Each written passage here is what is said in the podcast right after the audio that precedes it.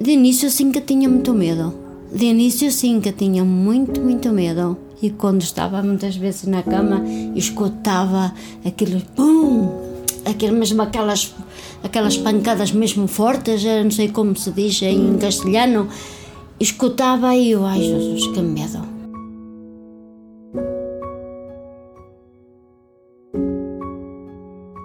Maig del 2022 es van detectar les primeres esquerdes i una mena d'explosions als edificis del número 28 i número 30 de l'Avinguda Santa Coloma d'Andorra la Vella.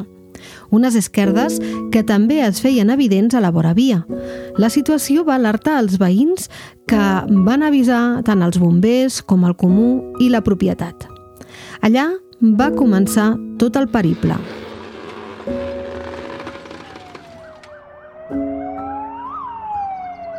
El Comú es va comprometre a fer un control i els tècnics van instal·lar testimonis per controlar que els moviments no anessin a més. El que s'havia constatat és que la façana de l'edifici s'havia abalançat lleugerament cap a la carretera. A l'octubre, el Comú va haver de tornar a actuar a la zona per una fuita d'aigua que s'havia originat també al número 28 de l'Avinguda Santa Coloma.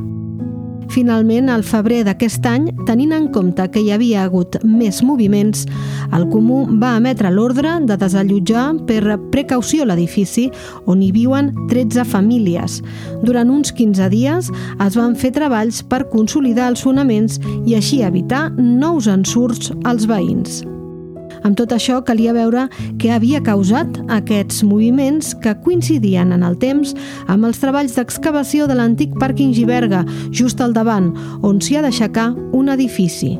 Les obres van estar un temps parades. Els veïns van tornar a casa i fins aquesta setmana passada tot semblava haver-se tranquil·litzat, però nous moviments els ha tornat a posar la por al cos.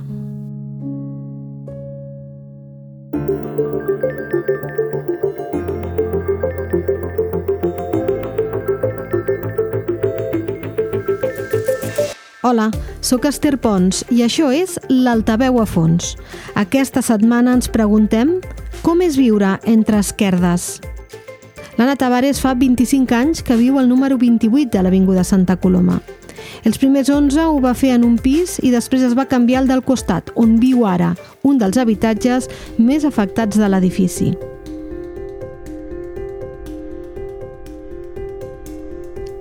Només entrar per la porta de l'escala eren més que evidents els desperfectes.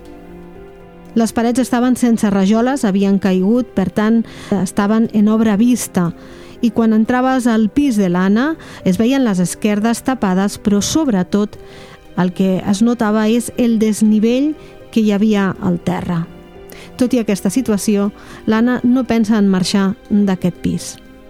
E sobretudo, tanto de barro como a da entrada do piso e a minha casa, somos os que estamos mais afetados.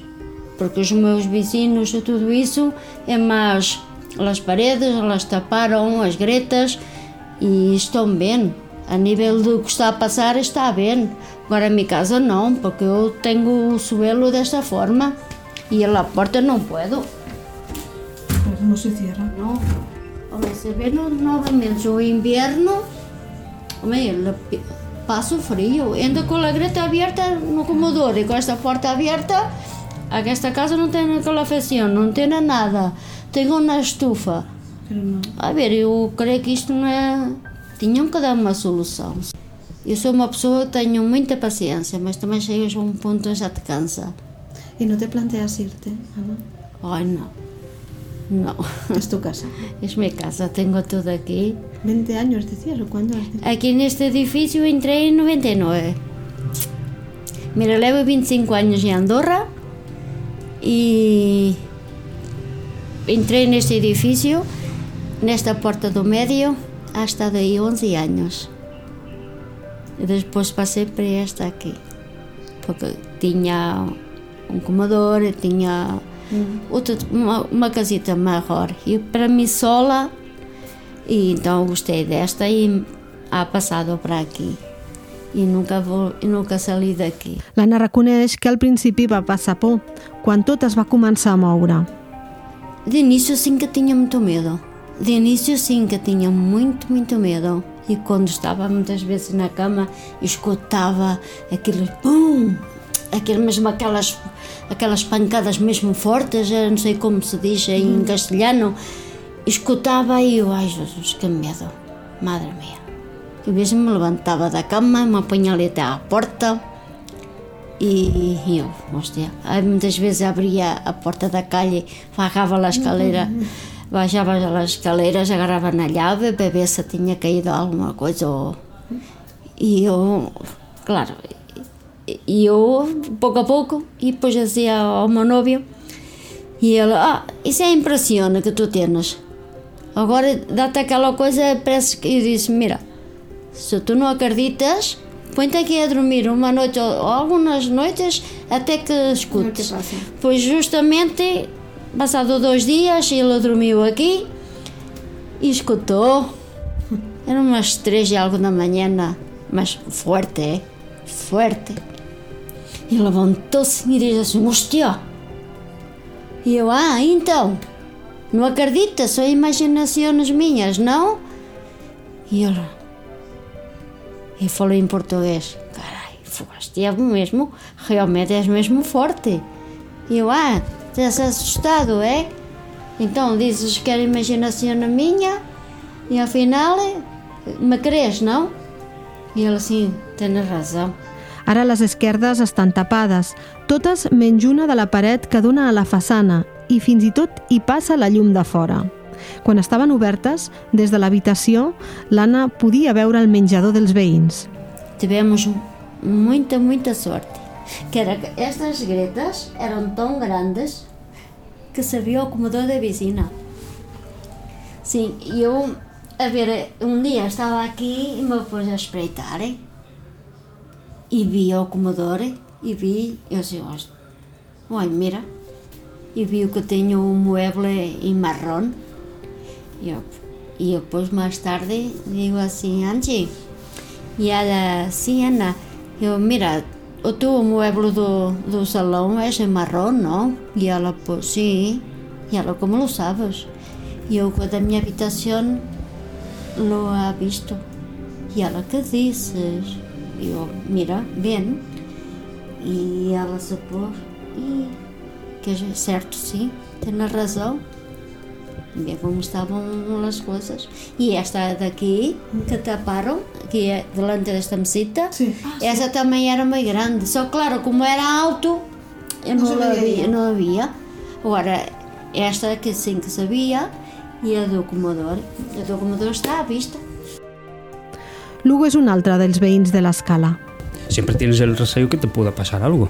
Y ahora mismo que empiezas a ver que empieza a salir otra vez a grietarse, a salir las grietas, ya empiezas a pensar más de lo mismo. La primera vez que ha pasado, lo que ha pasado, que puedes volver a salir. Mm, es complicado, la verdad.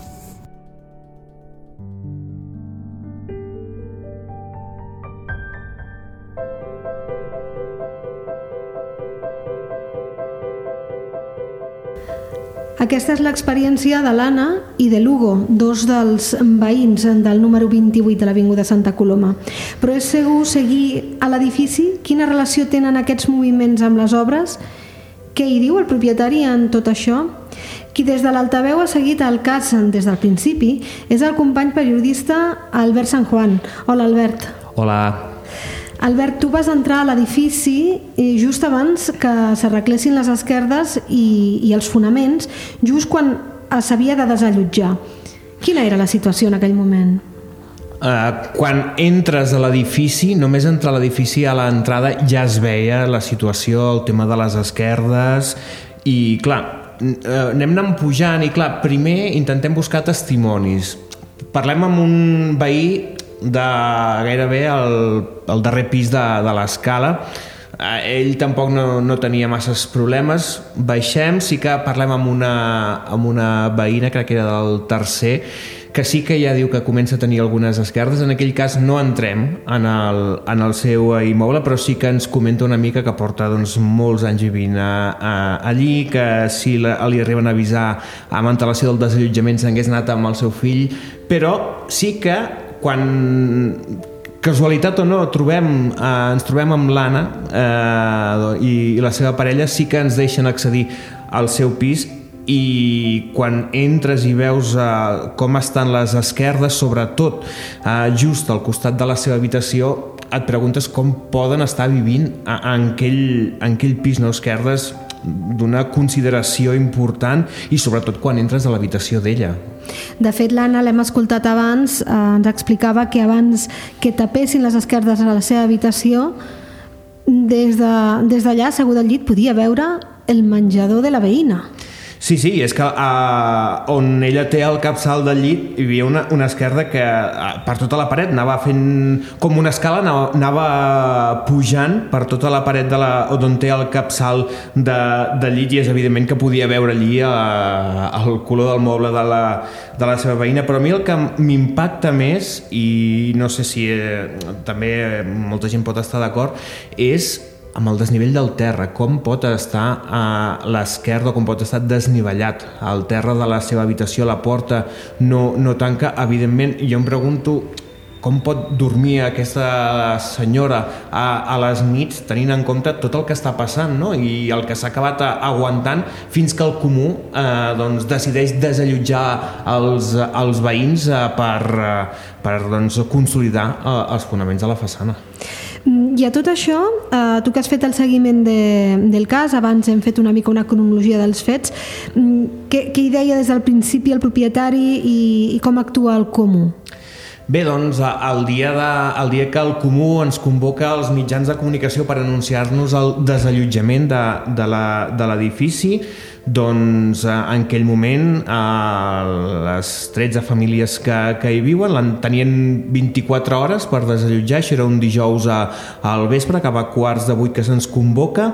Eh, després tenim la sort de poder doncs, entrar a, a, a l'edifici i parlar doncs, amb l'Anna, no? que tenia ja la maleta feta damunt la taula del menjador per, per marxar. Eh, comú i propietat treballen junts doncs, eh, per intentar eh, arreglar aquests desperfectes, consolidar aquests eh, fonaments amb unes injeccions de, de resina que es fan doncs, en el temps establert.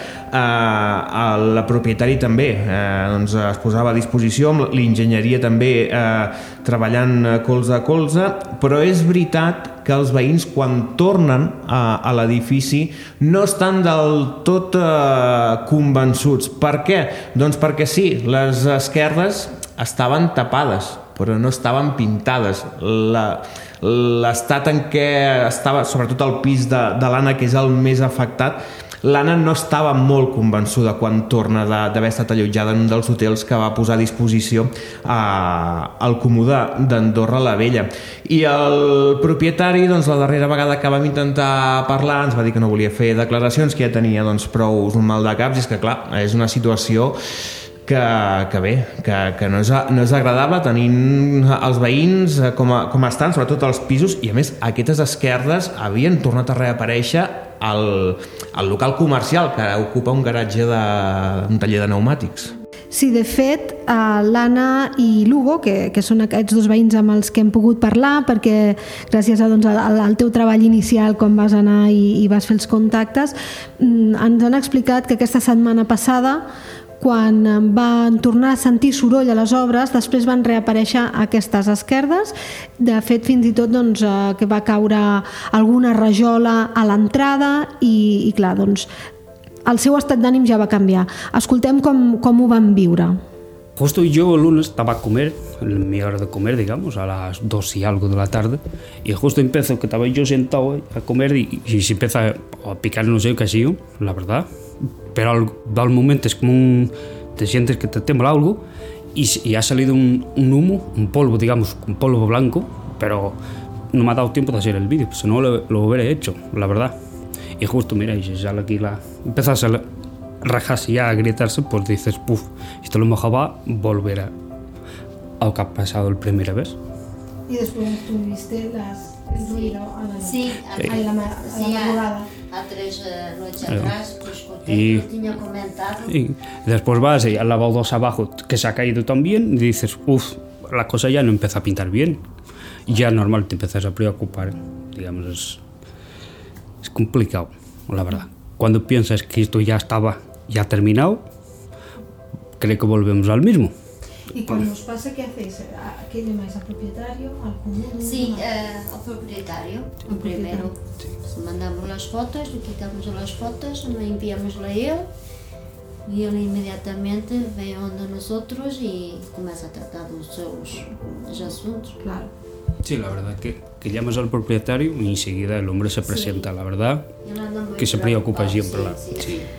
Tot i que no hi ha evidències que les obres siguin, les obres que hi ha al davant del carrer siguin els causants d'aquests moviments en els pisos, els veïns creuen que, que sí que està relacionat perquè va ser just quan van començar les obres eh, doncs, que van començar a tenir, a tenir els eh, problemes. Albert, eh, també hem pogut parlar amb, amb el cònsul major de Vitastrier i, i ell ha explicat que s'estan seguint eh, els protocols, no? Sí, eh, el comú, quan de, decideix desallotjar l'edifici, doncs eh, atura els treballs que s'estaven fent de construcció a l'antic aparcament Giberga.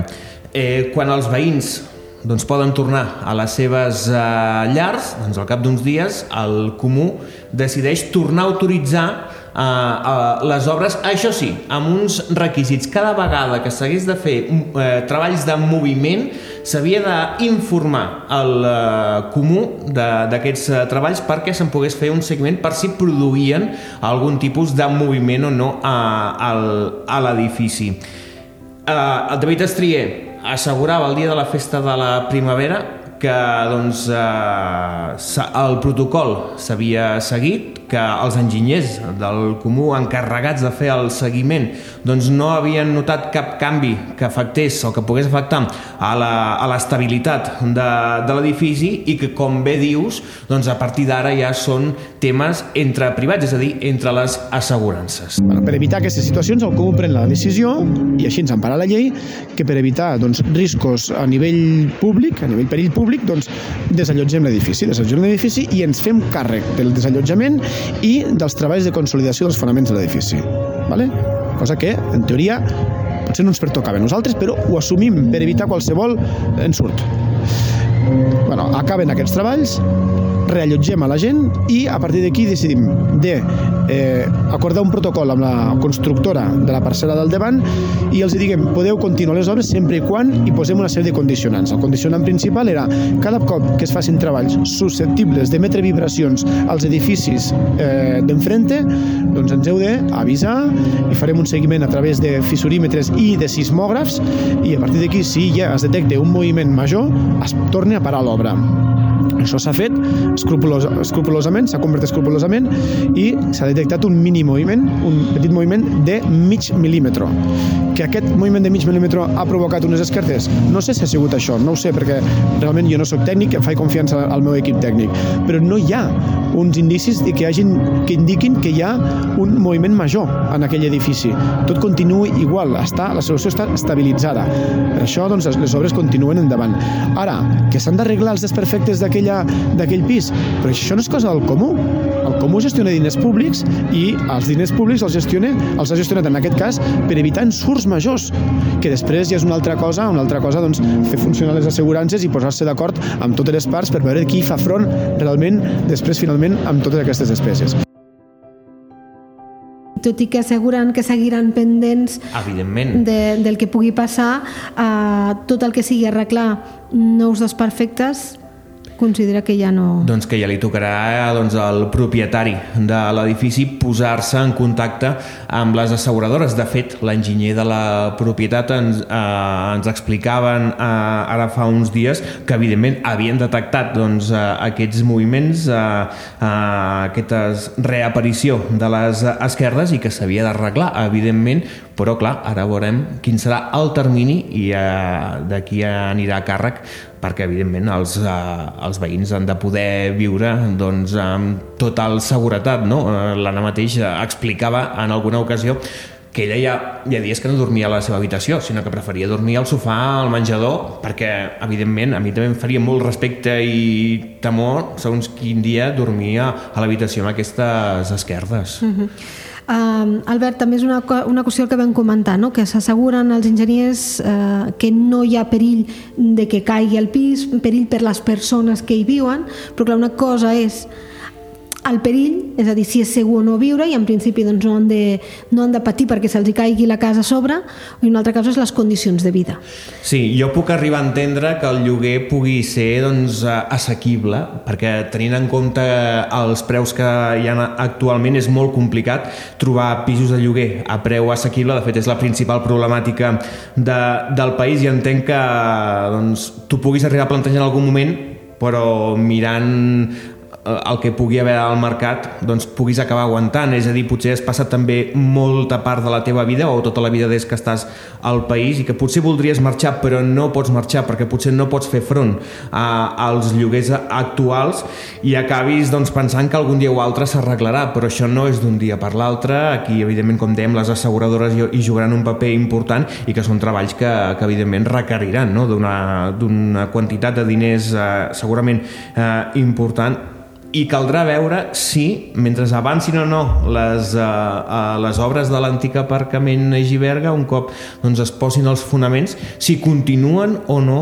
apareguent, apareguent aquests moviments. No? Els mateixos veïns explicaven no? que el dilluns de la setmana passada comencen a veure molta, molta, molta pols i és a partir d'aquí quan comencen a aparèixer de nou les esquerdes. Mm -hmm. Bé, com també ha explicat eh, David Astier, sembla que estan a punt d'acabar uh, aquests treballs uh, més de de profunditat i que poden afectar a, a l'estructura o, en el, o als fonaments del, dels altres edificis i que en tot cas eh, segurament un cop comenci a pujar l'edifici tot això s'aturarà. Caldrà esperar i veure i per això una de les principals preocupacions dels veïns és el que deies tu, no? de dir quant temps més hauran d'estar així vivint en aquestes condicions Pensa que porten un any sí. pensa que porta un any perquè els hi van aparèixer al mes de maig no et sabré dir ara sí, sí, el, el sí. dia concret eh, però porten un any, un any des de que van començar a notar aquests moviments, aquestes esquerdes i que doncs, eh, fins que el comú decideix agafar el bou per les banyes no? i desallotjar-los i fer aquestes injeccions de, de resina no? si no no sabem si, què hagués passat no? si no es fan aquesta consolidació i caldrà veure si aquestes injeccions doncs, acaben sent la solució o s'han de fer d'altres intervencions Clar, aquesta és la intervenció que es va fer mm, just al mes de febrer, que va ser quan Correcte. van ser desallotjats, per, eh, per poder doncs, securitzar l'edifici i així doncs, poder, poder viure amb una certa, ho direm així, tranquil·litat. Albert, moltíssimes gràcies per haver participat al podcast. A vosaltres.